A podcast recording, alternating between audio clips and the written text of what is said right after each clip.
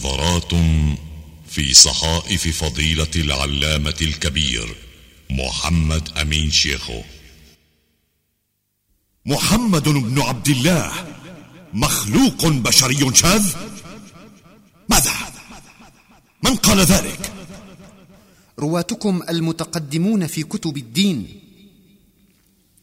والآن أيها العالم الجليل لقد أيقظتني من سبات طويل بسبب أهواء متعجرفة ومسالك ملتوية ودسوس كثرت فكنت لا أدري أين أسير بل كنت أتخبط خبط عشواء فبينت لي عصمة محمد والذي هو نور باهر تفجر في الظلمات ليحيلها إلى بدائع الأنوار. صخرة راسية عظمى في خضم بحر أشد ما يكون من الهوجاء. فيا أيها العالم الجليل أريد أن أستزيد من هذا البحر من العلوم وأريد أن توضح لي فقط الرد على ما أورده المتقدمون من أن محمدا ليس بشرا مثلنا في تكوينه الجسدي زعما أن ذلك لازم لكمال النبوة وأدعى للإيمان برسالة محمد. أخي العزيز إن الرسول صلى الله عليه وسلم فضل علينا باجتهاده وصدقه وحبه لربه وعظيم إقباله عليه تعالى. وإن ايراد تلك المبالغات والغلو من أن جسده الشريف في خلقه مخالف لسنن الكون يأباه العلم والعقل. وكثيرا ما يزيغ لها قلوب فريق بدلا من أن يزدادوا بها إيمانا وتثبيتا. وردا لهذا الغموض وتبيانا لوجه الحقيقة لا بد لي من أن أقدم كلمة أستند إليها في تبيان خطأ الذين أوردوا هذه الأقوال. فالله تعالى يقول في مطلع سورة الملك الذي خلق سبع سماوات طباقا ما ترى في خلق الرحمن من تفاوت فارجع البصر هل ترى من فطور. ثم ارجع البصر كرتين ينقلب إليك البصر خاسئا وهو حسير. صدق الله العظيم. فالذي نفهمه من كلمة ما ترى في خلق الرحمن من تفاوت. أي ليس شيء في هذا الكون بأنقص حظا من غيره وأقل منه في تمام الخلقه فما النحله بأقل شأنا من البقرة ولا النمر بأكمل خلقا من الهرة. بل إنما أعطي كل حيوان ومخلوق من الأعضاء المناسبة لوظيفته ما جعله في أكمل وضع وأتم خلق. ولو أن عضوا من الأعضاء تبدل ولو تبديلا طفيفا لما استطاع أن يقوم بوظيفته على الوجه الأتم. وما ذكرته في حق الحيوان ينطبق تماما على سائر المخلوقات ولا يخرج عنه شيء في هذا الكون. ورد بالكتب المخطوطة التي يتداولها الناس القول أن محمدا ولد مختونا ولقائل أن يقول إذا كان الله كاملا فلم خلق الحشفة؟ أي جلدة الختان التي تغطي البشر للجنين ببطن أمه. واضطرنا بعد ذلك لأن نزيلها بالطهور للطفل المولود فهي تسبب إنتانات فالتهابات جلدية حادة. لما خلق هذه الجلدة الزائدة وأمر بقطعها بالطهور ولا عمل لها؟ وإن كان لها عمل فلم الطهور؟ وإن لم يكن لها عمل. فلم خلقها؟ عبثا أين الكمال الإلهي؟ أم كيف يولد مختونا بخلقته؟ وهو السليم علي القدر والشان. تم الختان جهارا بعد مولده. في يوم سابعه قد جاء ضيفان. تبارك الله رب العرش خالقنا. للناس أيد وللأشجار أغصان. هل رأيت فطورا في خلائقه؟ إذ لا تفاوت إن الكون برهان. هو الذي قال إني مثلكم بشر. الحب أصلي وفعل الخير عنوان. عزيزي إن هذا العضو الذي جعله الله مخرجا للبول جعله بسبب وظيفة ثانية له مركبا من نسيج ذي ألياف عصبية متشابكة أحكم التشابك. وبما أن نهاية هذا العضو الذي تسمى الحشفة أكثر تحسسا وحساسية. فإذا كانت عرضة للاحتكاك بشيء أدى ذلك إلى توتر عصبي وبالتالي إلى تنبه عام في الجملة العصبية. ومن المقرر والمسلم به أن هذا التوتر والتنبه يرافقه ما دام موجودا توقف النماء. لذلك من ضرورة نماء الجنين في بطن أمه وتكامله وجود غشاء حائل يحول بين رأس هذا العضو وبين ما قد يلامسه أو يحتك به أثناء حركة الجنين المتتالية في بطن أمه.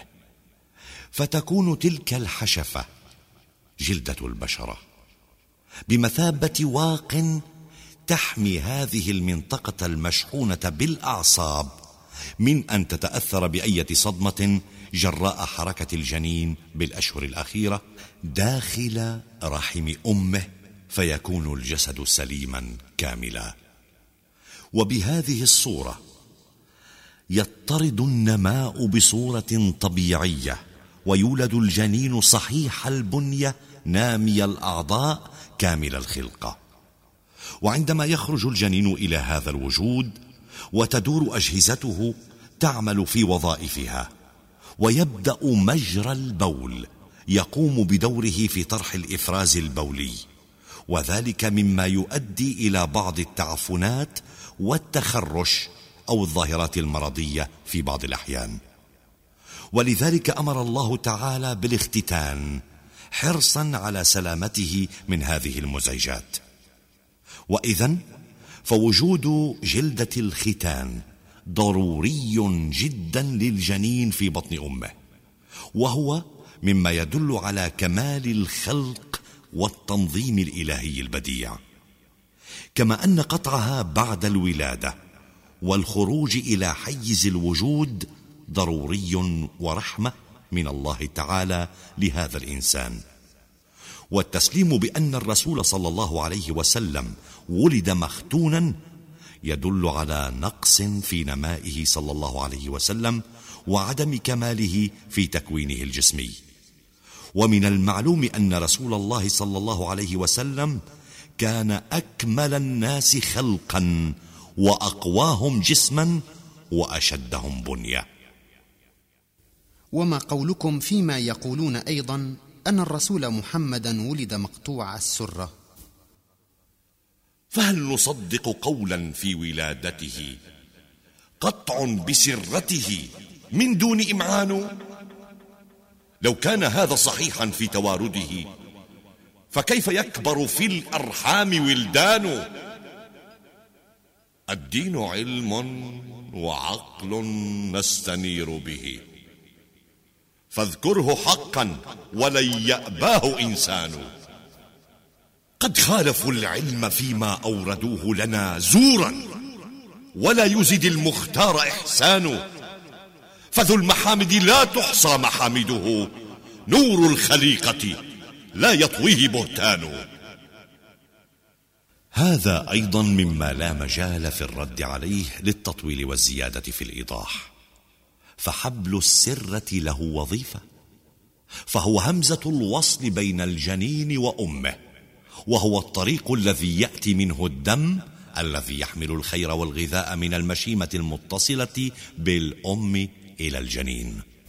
فالرد بصورة لا تقبل الجدل أن رسول الله صلى الله عليه وسلم لم يولد مقطوع السرة لأنه لا يتصور أن ينمو جنين ويتكامل ولا صلة بينه وبين أمه ولا يمكننا أن نقبل بهذا إلا إذا نحن سلمنا أن رسول الله صلى الله عليه وسلم كانت ولادته بصورة غير طبيعية انقطع معها حبل السرة وهذا لم يثبت لدينا في وجه من الوجوه. وإذا فهذا الزعم أيضا باطل وهو لا يقل في بطلانه عن الزعم الذي سبق في شيء. قال تعالى في سورة فصلت قل إنما أنا بشر مثلكم. أي مثلكم بالخلق والتكوين والهيئة. ولكنه تعالى فوقني بإقبالي العالي عليه وصدقي الكامل معه وحبي له وعطفي عليكم. هل رأيت فطورا في خلائقه؟ هل رأيت فطورا في خلائقه؟ إذ لا تفاوت إن الكون برهان. إذ لا تفاوت إن الكون برهان. هو الذي قال إني مثلكم بشر. الحب أصلي وفعل الخير عنوان. هو الذي قال إني مثلكم بشر. الحب أصلي وفعل الخير عنوان. فهل نصدق قولا في ولادته؟ قطع بسرته من دون إمعان فهل نصدق قولا في ولادته؟ قطع بسرته من دون إمعان لو كان هذا صحيحا في توارده فكيف يكبر في الأرحام ولدان؟ لو كان هذا صحيحا في توارده فكيف يكبر في الأرحام ولدان؟ الدين علم وعقل نستنير به. الدين علم وعقل نستنير به. فاذكره حقا ولن يأباه إنسان. فاذكره حقا ولن يأباه إنسان. قد خالفوا العلم فيما أوردوه لنا. قد خالفوا العلم فيما أوردوه لنا زورا. قد خالفوا العلم زورا. فيما أوردوه لنا زورا ولا ولا يزد المختار إحسان فذو المحامد لا تحصى محامده. وكامل الحسن لا تدركه أذهان. فذو المحامد لا تحصى محامده. نور الخليقة لا يطويه بهتان. شمس الحقيقة لا يحجبه شيطان. نور الخليقة نور الخليقة لا يطويه بهتان. يا محمد لك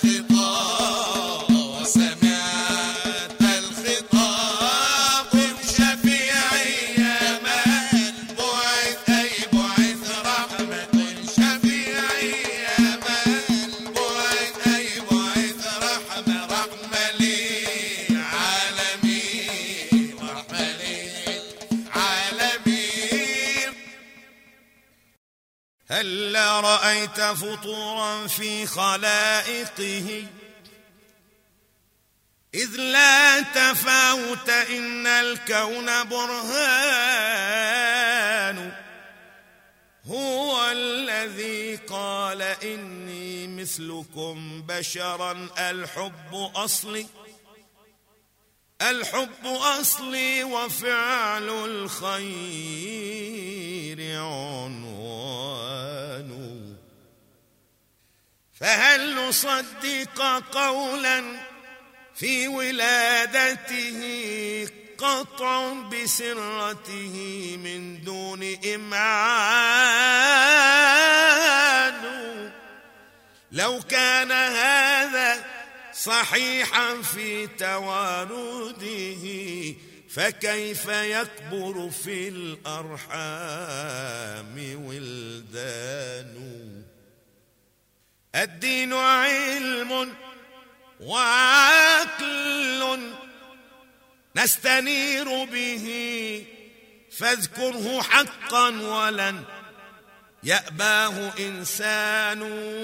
قد خالفوا العلم فيما أوردوه لنا. قد خالفوا العلم فيما أوردوه لنا زورا ولا ولا يزد المختار إحسان فذو المحامد لا تحصى محامده. وكامل الحسن لا تدركه أذهان.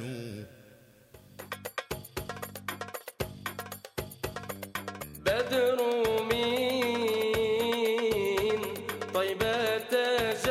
تطلب كتب فضيلة العلامة الإنساني محمد أمين شيخو من كافة مكتبات القطر للاطلاع على مزيد من علوم وأبحاث العلامة الجليل يمكنكم زيارة موقع علوم العلامة على شبكة الإنترنت. موقع علوم العلامة الإنساني محمد أمين شيخو قدس سره.